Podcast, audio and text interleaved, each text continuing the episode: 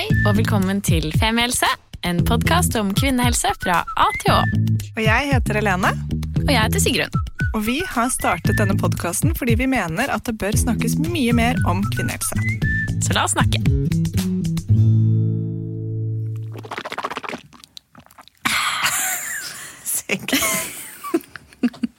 Jeg måtte bare. Fordi mm, et symptom av bakteriell vaginose er jo økt utflod. Som, det høres jo sånn ut. oh, yeah. Um, denne jeg må si liksom, bakteriell vaginose er en av de mer rystende diagnosene jeg har hatt i mitt liv. Enig. Jeg, vet du hva? Det, jeg synes det var grusomt første gangen jeg fikk det. I hvert fall, For da visste jeg ikke hva det var. Ingen jeg kjente hadde det. Skjente. Um, jeg hadde vært på en hyttetur med noen venninner det var noen år tidligere, med da, hvor kjæresten til hun ene var lege. Og han eh, fortalte om et tilfelle av bakteriell vaginose han hadde vært borti. Hvor han, hvor han var sånn Det var helt, luktet helt grusomt fisk! Og vi lo og lo og lo av denne bakterielle vaginose, tullete eh, diagnosen man kunne få. Og tenkte stakkars de som får det. Så ble vi 25 i min vennegjeng. Det var jo i går. Nei da, det begynner å bli et par år siden. Men, eh, og da fikk alle bakteriell vaginose, eh, sånn cirka på prikken. Um, og ble like rystet som da Unnskyld. Denne kjærestelegen. Eh, Um, nå fikk jeg halsen. her. Ja, det er fortsatt- Bakteriell vaginose i halsen. Ja. Um, og, og var helt enig med han. at det var helt grusomt. Ja. Eh, nå, altså, nå røper vi jo veldig symptomer og alt mulig. men Nei, men jeg må faktisk, Det Ja. må deles. og jeg Ja. tenker at For å sette dette i en kontekst for at um, Hvis du har hatt det selv og vært rystet, så er du ikke alene. Nei, altså, jeg har hatt det én gang i mitt liv. Ja. Eh, rystet. Og jeg tror hele lesesalen på Blindern var rystet med meg. Fordi jeg hadde det i en sånn intensiv eh, eksamensperiode. Eh, sitter mye på sånne trestoler, og jeg husker at jeg skiftet sittestilling. Sant? Du tok det ene benet over det andre. Og det bare slo en sånn eim av råtne reker opp i ansiktet mitt. Og jeg så liksom til begge sider, og jeg så at de som satt på hver side av meg i lesesalen, så liksom bort på meg og bare Hva er det som skjer her? Og da tenkte jeg sånn Nå har jeg dødd innvendig. Det startet en forråtnelsesprosess inni meg, og jeg kommer til å sakte, men sikkert dø. Så jeg var helt det er enig. Rystende opplevelse. Så derfor så har vi laget, må vi lage denne episoden på dette, så vi skal vite hva det er. Ja, For vi sprer mer villedende informasjon og skremselspropaganda, Ja. så tenker vi går til fakta. Ja. Eh, velkommen, Trine Aarvold. Eh, Takk. lege ved Sex og Samfunn. Eh, vi er veldig glad som du skjønner, for at du er her nå for å eh, ja, betrygge dere som hører på litt. Det skjønner jeg godt, for det, det er nok mange som har den opplevelsen dere har. Ja, du syns ikke vi sortmaler det? Nei, jeg syns ikke det. Og jeg opplever jo også Jeg jobber jo på Sex og samfunn, samfunn som klinikk for unge, og de er jo ofte under Eller de er under 25, alle som kommer til meg. Eh, og jeg, noen dager så har jeg sånn bakterielle vaginosedager, som jeg kaller det, hvor det er nesten det eneste som kommer inn på kontoret mitt. Og de er så fortvila. Som en epidemi, nesten? Ja, det, er sånn rart, men det er sånn man opplever når man er på legekontor. Plutselig en dag så har alle sopp, en dag har alle bakteriell vagnose. Det, man skulle tro at det var noe i drikkevannet, men eh, det er nok bare tilfeldig. Kanskje det er månefasene? Kanskje det er månefasene. Oi, det er spennende. Oi. Um, ja, fordi på Sex og Samfunn der jobber du som lege, men du jobber kanskje også litt som gynekolog? på en måte, Eller blir det feil? Eh, på en måte er det feil, ja. Eh, jeg jobber jo som lege, og veldig mange tenker at alt som handler om underlivet, det må man til gynekolog med. Eh, men det er jo sånn at fastleger eh, også gjør gynekologiske undersøkelser og kan eh, sjekke sånne ting som f.eks. sopp og bakteriell vagnose. Så det, man trenger ikke å gå til en ferdig gynekolog for det. Skal alle fastleger kunne gjøre det? Det er en del av oppgaven, ja, men jeg vet at det er noen som syns det er mer vanskelig å gjøre det enn andre. Eh, Og det kommer kanskje litt an på hvor mye du har blitt eksponert for det opp gjennom studiet og etter studiet. Men eh, i prinsippet så skal alle fastleger kunne hjelpe deg med underlivsplagene dine hvis det ikke er noe eh, mer alvorlig, akkurat sånn som hvis du har en ryggskade, så tar jo ikke fastlegen, da sender han jo til en spesialist. Så gynekologen er jo på en måte en spesialist hvis ting er litt utenfor rekkevidde for fastlege. Men bakteriell vaginose er ikke det, altså. Det er egentlig ganske innafor. Så det kan være et fint sted å starte, da. Nå går vi jo litt på liksom generell underlivshelse, men hvis noe er litt eh, annerledes eller plagsomt enn det pleier å være, så kan man gå til fastlegen først. Man trenger ikke å liksom gå rett til en gynekolog. Nei, man trenger ikke det, og det er ganske viktig å vite. Ja. Og det kan jo også være litt fint sånn med tanke på oppfølging av behandling, for det diskuterte vi jo litt uh, før vi gikk inn i studio i dag også. Dette med at på mye underlivsplager, eller for noen, så opplever man jo at det kommer tilbake. Og hvis man da går til en ny gynekolog eller en ny klinikk hver gang man har en plage, så er det vanskelig å se en sammenheng i ting, kanskje? Absolutt, og da må eh, den legen eh, finne opp hjulet helt på nytt. Og ofte så stiller den også den samme diagnosen først. Eh, sånn at hvis du har svie og klø, og så får du soppkur hos den ene legen, så er det, er det sånn at det mest vanlige grunnen til svie og klø er sopp. Og da vil mest sannsynlig den legen du går til neste gang, også tenke sopp. Men har du, går du til den samme legen, så kanskje den sier 'Å, det var det du hadde sist også, det fungerte ikke'. Nei, kanskje vi må tenke litt annerledes. Mm. Hva er, altså, ok, så Bakteriell vaginose det stinker ja, jo noe helt sinnssykt. Hvorfor lukter det så vondt? Hva er det for noe? Hva er det som skjer? Ja, eh, For å kunne svare på det, så må man eh, fortelle litt hva eh, utfloden vår består av. For alle har jo utflod, og utflod er en renselse som inneholder litt væske fra livmorhalsen, blandet med masse bakterier som vi har inne i skjeden. Og som er der, og som er kjempeviktig for oss fordi det lager et godt miljø. Og sånne bakteriefloraer har vi jo andre steder på kroppen òg. Alle er jo kjent med at vi har det i tarmen, vi har det på huden. Og de er der for å beskytte oss mot infeksjoner og sykdommer. I skjeden så har vi veldig mye av én type bakterie som, heter, som er en melkesyrebakterie. Og melkesyrebakterien den gjør at eh, pH-en inne i skjeden den er sur. Og det er fint. For eh, slemme bakterier de liker ikke at det er surt. Eh, men så er det sånn at det fins andre bakterier i skjeden også, som blir holdt i sjakk pga. det sure miljøet. Og Blant annet så er det en eh, som heter Gardinella vaginalis. Og den er eh, stort sett noe alle kvinner har, men i en veldig liten omfang. Noen ganger så skjer det endringer i våre snille bakterier. Akkurat som du kan få i magen. Jeg vet ikke om noen av dere har vært litt sånn uggen i magen og så fått beskjed om at han er noe sånn eh, litt sånn ubalanse i magen. Jo. Det skjer. Vært på reise, for eksempel. Ja. Det skjer. Ja. Mm. Og da kan det være ubalanse i våre snille bakterier. Eh, og da kan man jo få litt annen type avføring, f.eks. Eh, og det samme som kan skje med skjeden, at eh, det blir for lite melkesyrebakterier. Blir det for lite melkesyrebakterier, så blir det ikke surt lenger, men da blir det veldig basisk. Og da blir det skilt ut et stoff fra disse bakteriene som, som liker at det er basisk og som lager dette basiske miljøet, skilt ut et stoff som lukter veldig, veldig stramt. Så bakteriell vaginose er rett og slett at det er for lite melkesyrebakterier i skjeden, og for mye av andre bakterier som er der til vanlig, men som pleier å være veldig lite av, som har fått muligheten til å blomstre opp og overta på en måte plassen til melkesyrebakterien. Og som skiller ut stoffer som lukter vondt. Hva lukter det? Det lukter eh, ganske stramt som eh, fisk. Råtten fisk er det jo det som eh, på en måte står som symptomet. Reker er det også noen som sier. Det er litt det det lukter, ja. Så det lukter reker som, altså rekeskall som har hengt ute i en plastpose i solveggen en hel dag før du kommer på at du må kaste det. Det er, en, det er en god lukt. Det lukter vondt. Det lukter skikkelig vondt. Og det lukter, det lukter så hardt. Altså sånn, det er ikke bare sånn at du må, du må ikke, Jeg måtte i hvert fall ikke bøye meg ned for å lukte nærmere. Det kom på en måte bare sånn eim opp mellom bena som var helt sånn Oi, oi, oi, oi, oi, her har det skjedd noe alvorlig. Jeg følte at jeg måtte gå sånn stivt hjem. Sånn klype sammen tissen. Som selvfølgelig ikke hadde noe. Følelsen av å stå i sånn løs sånn sommerdress, løse bukser, løs topp. Og liksom å stå sånn rett opp og ned, men med bena litt spredd. Og liksom i denne løse dressen, og det var ingenting som holdt dette på plass. Og det liksom bare ja.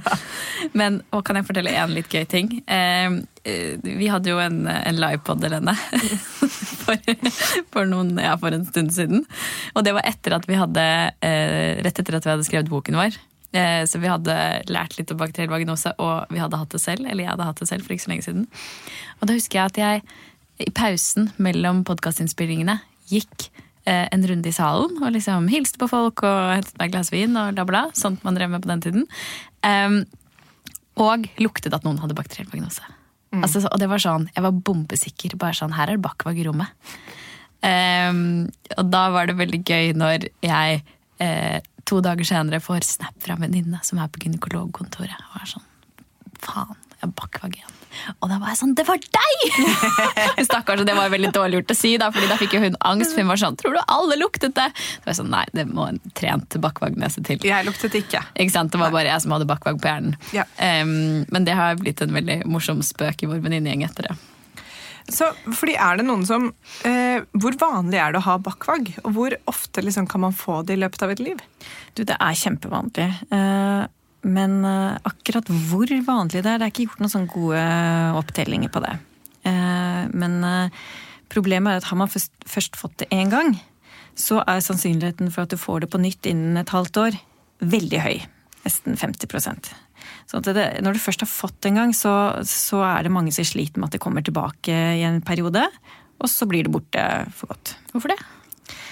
Det er det, åh, jeg er så innmari mye jeg skulle gitt som svar når pasientene mine kommer til meg og sier 'hvorfor har jeg fått det', hva kan jeg gjøre, hvorfor er det sånn? Eh, vi vet veldig lite om bakteriell vagnose. En sånn veldig typisk vanlig kvinnesykdom som nesten alle opplever å få, men som ingen gidder å forske på. Fordi det liksom ikke er farlig nok. Og det er, ja, det er utrolig provoserende. Mm. Men så putte en sånn gjeng med mannlige forskere inn i et rom sammen med ti kvinner med bakvag. De gir seg. Dere blir her inne til en av dere rekker opp hånda. Ja, sitter bare sånn og skifter sånn på enstilling, sånn, der, sånn i basic instinct, sånn sakte. Legger bena i kors og bytter. I syntetiske tights? Yes. Ja. Men det vi ser da, eh, er at disse bakterielle vaginosebakteriene de kan, man, eh, Grunnen til at de ikke blir helt borte, er at de, de kan lage noe som heter en biofilm.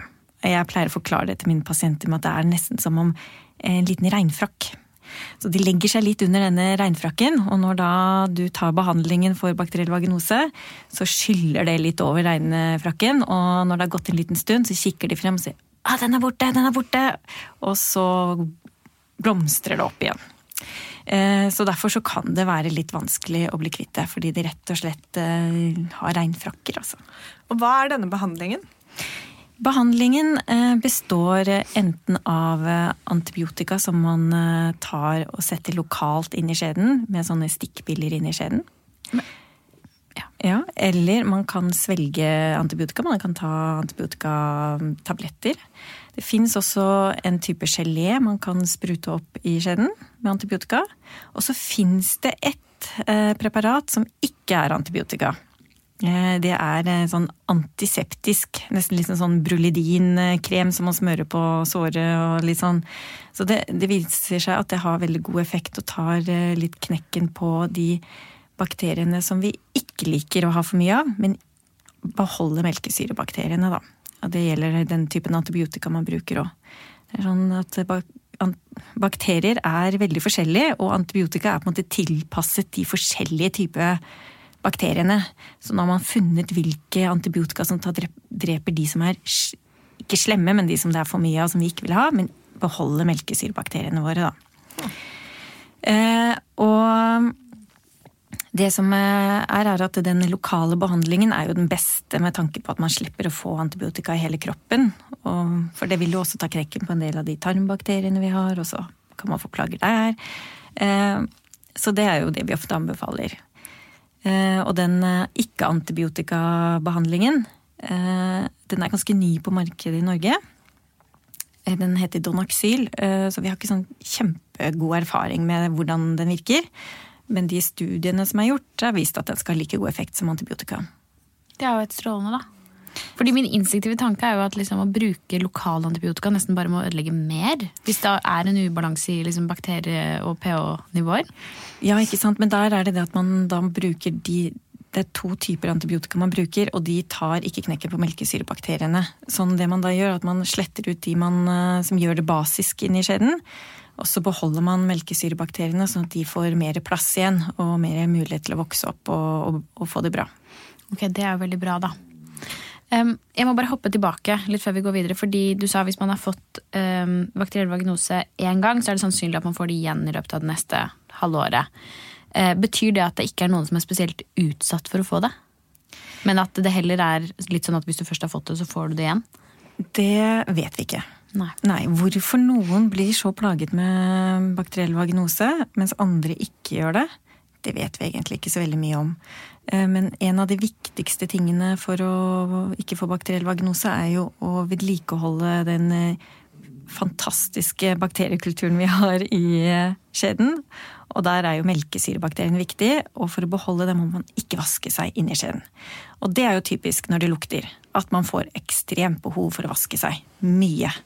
Og gjør du det, og du skyller og vasker inn i skjeden, da fjerner du mest av de melkesyrebakteriene, og da får du mer lukt. Så da blir det en sånn ond sirkel. Så ikke gå i den fella og begynne å vaske mer når du får bakteriell vagnose. Godt tips. Ja. Um, og på snakk om behandling, hva med sånn melkesyretabletter? Har det noen effekt her? Ja, eh, det er veldig godt at du spør om, fordi eh, det er det mange som bruker som sånn egenbehandling. Eh, Og melkesyretabletter, noen av de inneholder melkesyrebakterier, men inneholder melkesyrebakterier fra ku. Altså ikke humane melkesyrebakterier. Og det viser seg at det å sette melkesyrebakterier inn i skjeden ikke har så god effekt. Det er som om de bakteriene trives ikke, de, de blomstrer ikke og blir ikke. Sånn at eh, ved neste menstruasjon eller eh, etter, noen, etter en liten tid så forsvinner de bare ut, og så har du plagene tilbake. Og det er det ofte mine pasienter sier til meg. Jeg har tatt sånn, eh, flere sånne melkesyrekurer. Så blir det borte en liten periode, og så kommer det tilbake. Så man må på en måte gjøre noe som eh, får den eh, nye balansen til å bli værende. Og det viser seg at melkesyretabletter og, og sånn oppi skjeden, det har veldig lite effekt på det. Eh, men vi pleier, og det er jo ikke noe sånn veldig godt forsket på det her, men jeg pleier å si til de som får det igjen og igjen, at det går an å eksempel eh, bruke en sånn melkesyretablett eh, rett før man skal ta kuren. Og så ta ferdig kuren, og så kanskje prøve en etterpå. Og tanken da er at kanskje det sure miljøet vil kanskje løse litt den regnfrakken da, til disse bakteriene, sånn at kanskje eh, behandlingen kan virke litt bedre. Men noe godt forsket på er det ikke. Men det er litt sånn vi Kan det være verdt et forsøk, kanskje? Ikke sant. Og så pleier vi også å prøve å endre litt på hva slags type behandling man får. Så hvis man får da den som ikke har antibiotika, det ikke har noen effekt, så kan vi kanskje prøve en antibiotika neste gang. Så se om det er en måte å, bli kvitt det på, da. Eh, og det jeg lurer på er Hvorfor er det en del som, som får det i forbindelse med sex? Ja, og Eller da, etter sex? At man liksom Oi, Eller sex kom eller mensen. Eller, ja. eh, veldig ofte kan man ha litt sånn bakteriell vaginose uten at man har den veldig kraftige lukten. Eh, men når noe blir basisk, da øker lukten. Så en av min måte å sjekke om folk har bakteriell vaginose på, det er at jeg tar en liten bomullspinne inn i skjeden, og så ser jeg om det er veldig basisk utflod. Og så drypper jeg på en sånn basisk løsning, og da får jeg ofte en sånn veldig kraftig økning i den lukten. Da veit jeg at det er bakteriell vaginose. En snifftest. Snifftest! Ja, og det prøver å gjøre det så ikke pasientene ser på, men for meg er det helt, helt innafor. Hvis man ser at gynekologen eller legen din sniffer på utfloden din, det, det er bare kjempesmart at de gjør det. Så bli bare glad. Eh, når man har eh, utløsning med sæd, så er den veldig basisk. Når man har mensen, så er den også mer basisk, og dermed så øker den ofte lukten. Så du kan ha en sånn bakteriell vaginose liggende uten at den plager deg noe særlig, og så har du sex og eh, har mensen, så får du plutselig en veldig kraftig økning i lukt. Så det betyr ikke at du får bakteriell vaginose etter mensen, men at det kan eh, forsterke lukten. Da. Og sex med par, altså Hvis en jente har sex med en jente, da, har det noe å si? Ja, eh, bakteriell vaginose blir jo ikke regnet som en seksuelt overbar infeksjon. Eh, men man ser at hyppig bytte av partner er en, eh, en av årsak... Eller ofte en sammenheng med, med bakteriell vaginose. Eh, men eh, å behandle en mannlig partner har man ikke sett har noe effekt. Men det man kan se er at hvis man har en kvinnelig partner, så er det større sannsynlig at begge to får bakteriell vaginose, og da anbefaler man å behandle begge partnere. Skjønner. Men og apropos, vi snakket litt i sted om sånn, øh, litt sånn dårlig sirkel man kan havne inn i hvis man vasker for å få vekk lukten, og så blir den verre. Men eh, man kan jo også, den behandlingen kan man da få Hvis man tar lokal eh, antibiotika, kan man få sopp etterpå som en reaksjon på behandlingen av bakteriell vaginose? Ja, absolutt. Eh, det er noe jeg alltid må si fra om til mine pasienter når jeg gir sånn antibiotikabehandling. At nå behandler vi den bakterielle vaginosen din, og da kan det være du får en soppinfeksjon etterpå. Eh, og det er jo det som er så fortvilende med eh, denne Å klare å gjenopprette denne fine floraen vår, det er ikke alltid så lett. Så når vi putter inn antibiotika, så kan man gi sopp grobunn. Den ikke-antibiotika-kuren skal ifølge produsenten selv, det er ikke funnet noe annen forskning på det enn det som produsenten sier, også ha litt effekt på sopp.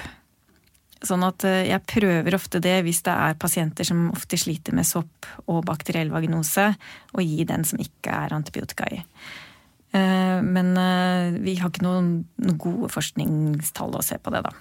Nei, Og så er det jo en liten gruppe som er de virkelig uheldige, de som havner i denne spiralen med bakvag, sopp og gjentatte behandlinger, og som til slutt kan behandle så mye at de får underlivssmerter, altså vulvodyni, vestibulitt, vaginisme, og at alt gjør vondt. da. Hva, hva, gjør du da? Har du liksom en tips eller behandlingsform for de som har det så ille? Ja, altså vi eh, Det viktigste man gjør, er jo å få folk til å komme tilbake, og ikke egenbehandle seg selv. Det er veldig viktig for å unngå at det kanskje er behandlingen som gir plagene, og ikke plagene i seg selv. Og så er det jo da å eventuelt prøve å endre litt på de behandlingsvariantene, sånn at man ikke overbehandler med én type. Og så kan vi da gi sopp For de som sliter med mye sopp, da, så gir jeg ofte en sånn sopptablett som det går an å få. Kjøpe som sånn engangdose før man starter behandlingen for bakteriell vaginose. Og så ta en sånn sopp igjen etterpå for å forebygge for de som sliter med veldig mye. Sånn at man ikke trenger å ta så mye soppkurer lokalt, da. For det er litt viktig. At man ikke tar for mange lokale soppkurer. Man skal ikke ta flere enn fire i løpet av ett år. Mm. Men det er, det er, slitsomt for dem, og de er fortvila. Og det jeg ofte ser, er at underlivet deres blir et sånt ikke-tema. Hvis underlivet ditt lukter fisk, det klør og det svir og det gjør vondt, så er det jo ikke rart at man blir veldig frustrert og sint på underlivet sitt, rett og slett. Vil du slette det? Ja, man får lyst til å slette den delen av kroppen. Sånn at mye handler om å snakke litt om de følelsene rundt, som man kan få rundt, rundt underlivet sitt. Og sex er ikke så veldig fristende heller når det klør og det svir eller det lukter fisk. Man får et veldig sånn negativ forhold til alle disse tingene. Så jeg tror at det er viktig for oss som er helsepersonell og tar imot kvinner som sliter med plager som kommer tilbake og tilbake, ikke bare ta tak i plagene, men også høre litt hvordan det påvirker dem ellers. For det, det er mange Jeg har mange tårer på kontoret mitt. Eh, og vi kan tulle og le av at det er bakvakk og fisk og alt mulig, men det kan være utrolig belastende for de som har det. Så jeg, jeg, tenker at det er noe vi må bli flinkere til når det gjelder underlivsspørsmål. At vi ikke bare ser ned i underlivet og nikker på hodet og sier dette er sopp, men at vi kanskje kikker litt opp og ser folk i øynene og spør hvordan har du det. Ikke bare problem årsak, i hvert fall. For det føler jeg veldig ofte man blir møtt med. Og det er veldig fint at man har lyst til å finne en, en løsning på ting. Um, men nettopp liksom det helhets menneskeperspektivet i det er når det kommer til kvinnehelse, ofte opplever vi da mm. noe som gjerne kunne vært snakket mer om. Spesielt når man går til legen.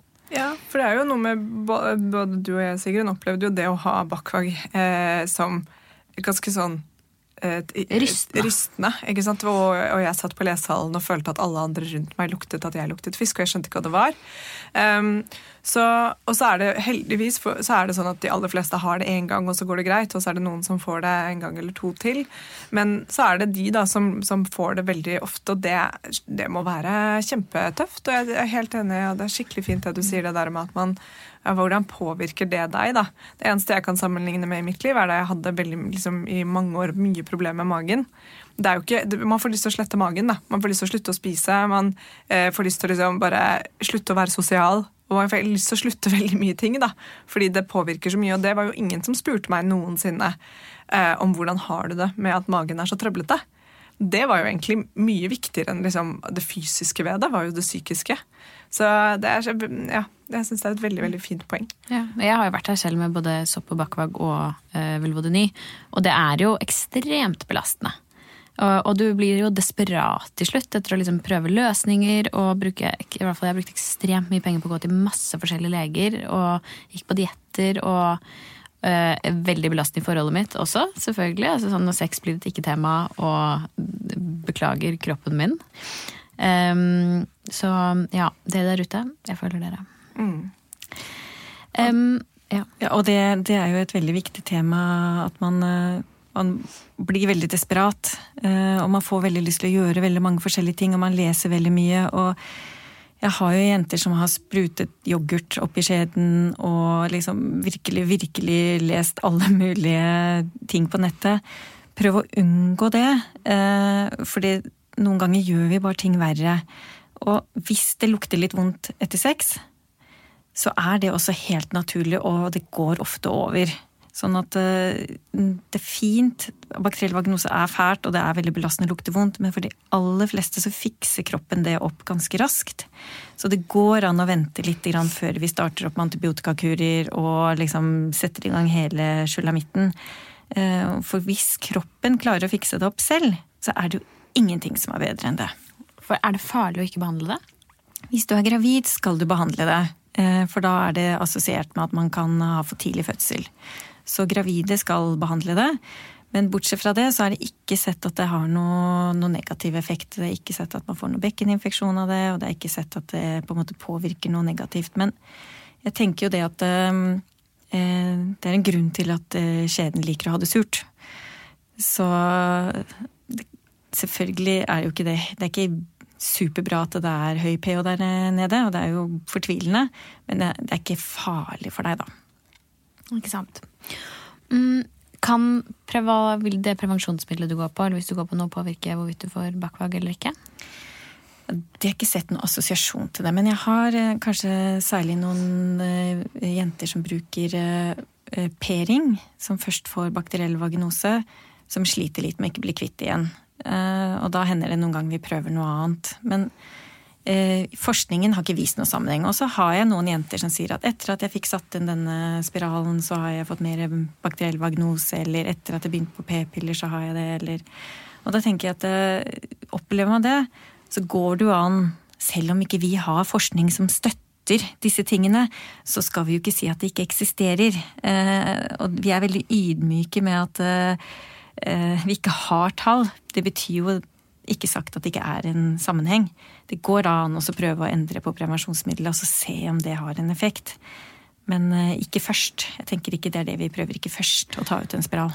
Nei, ikke sant? for det er jo mange av spørsmålene som har kommet inn til denne episoden, er jo nettopp dette med hormonspiral og bakteriell vaginose. Og hvorvidt det øker sjansen, og flere som skal ta den, prøve å ta den ut nå for å liksom få bort enten om det er sopp eller om det er bakteriell vaginose. Så det, man kan jo ikke Jeg skjønner at vi ikke kan trekke en slutning pga. det, men det er i hvert fall mange som stiller spørsmål rundt det. da. Ja, jeg må si det at uh, før, når jeg satte inn spiraler, for jeg har jo satt inn spiraler en god del år nå, um, da pleide vi før vi satte inn spiral å vaske med sånn uh, anti... Altså kloreksidin, faktisk. Inni skjeden? Inni skjeden. For jeg var så redd for at folk skulle få bekkeninfeksjon. Og det har vi nå slutta helt med. Men da opplevde jeg i hvert fall, jeg har jo ikke noe tall på det, men jeg opplevde at det var flere som fikk bakteriell vaginose når vi dreiv og snuska med sånn Ja. sprit på innsida. Det, Ei, ei, ei. det, det Vi var veldig, veldig fortynnet, men allikevel eh, har slutta helt med det. Mm. Nå bare leser jeg gjennom de spørsmålene vi har kommet inn, og det ser ut som at ehm, eh, vi har dekket alt, bortsett fra ett spørsmål her som er litt spennende, og dette er kan bakteriell vaginose påvirke fertilitet? Um, vet du noe om det? Eh, nei, men eh, Vi vet ikke så mye om det, men jeg tenker jo det at eh, bakteriell vaginose endrer jo på miljøet i skjeden. Eh, og vi har jo eh, sett det at eh, miljøet i skjeden og utflod og alt dette her er jo ganske viktig for hvordan spermiene blir tatt imot. Nå er det jo faktisk sånn at spermiene syns det er veldig fint at det er litt basis der. De er, lever i et litt sånn basisk miljø. Så derfor så vet vi jo ikke om det kan ha noe å si eller ikke. Og jeg tror Jeg har ikke kommet over noe, hvis det er noen der ute som har kommet over forskning, som har sjekket om eh, infertilitet og bakteriell vaginose har en god sammenheng, så si gjerne ifra. Men eh, jeg tenker at det er, eh, ikke, det er en grunn til at ting er som det er normalt. Og da kan det jo være at når ting ikke er som det er normalt, at det kan påvirke fertiliteten. Ikke sant. Så ikke noe Vi vet ingenting. Bombesikkert. Mm. Um, så bra. Eh, jeg er gjennom alle mine spørsmål. Ja. Hva med deg, Helene? Enig. Så bra. Ja. Eh, er det noe du syns vi burde legge til, Trine? Eh, ja. Ja. Eh, når det gjelder eh, bakteriell vaginose som kommer tilbake og tilbake og tilbake, eh, så er det jo noen underlivstilstander som kan ligne på bakteriell vaginose. Eh, og en av dem er jo noe som ikke er så vanlig i Norge, som heter trikomonas. Eh, Det gir den samme type lukt. Det er sånn encella dyr som lever inne i skjeden, og som også lever eh, i urinrøret hos menn. Sånn at dette er en smittsom eh, seksuelt overbar infeksjon, da. Så det, har man vært ute og reist og hatt sex med noen som f.eks. bor i USA, og man får bakteriell, vaginoselignende symptomer som ikke blir borte, da kan det være greit å også opplyse om at du har hatt sex i utlandet, så man kan sjekke for det. Så bare så det Ja. er enkelte ting som kan ligne på bakteriell vagnose også. Ja, skjønner. Så bra. Veldig bra. Ja, Veldig spennende. veldig. Eh, håper ikke dere fikk helt skrekken etter våre personlige bakfaghistorier. Mm. Eh, eller kanskje dere føler dere litt mindre alene. Ja. Håper det. Mm. Eh, tusen takk, Trine. Du er helt fantastisk og svarer veldig godt på alle våre og dere lytternes spørsmål. Virkelig. Veldig veldig fint å å snakke med deg. Eh, håper du som hører på også syns at dette var eh, At du lærte noe. Mm. Eh, og at du fikk svar på spørsmålene som du eventuelt hadde sendt inn. Og så eh, snakkes vi straks. Det gjør vi. Ok, ha det! Ha det godt. Tusen takk for at du hørte på podkasten vår. Selv om det forhåpentligvis kommer tydelig frem, så vil vi understreke at vi ikke er helsepersonell. Ja, så som vanlig, kontakt legen din om du har noen spørsmål, eller om du skal begynne på noen form for behandling. Og har du et tema som du har lyst til at vi skal snakke om, eller noe ris eller ros, så send oss gjerne en melding på Facebook eller på Instagram. Der finner du oss under Femihelse. Og du kan gjerne rate oss på iTunes, det er skikkelig hyggelig for oss. Ha en fin dag! Ha en kjempefin dag!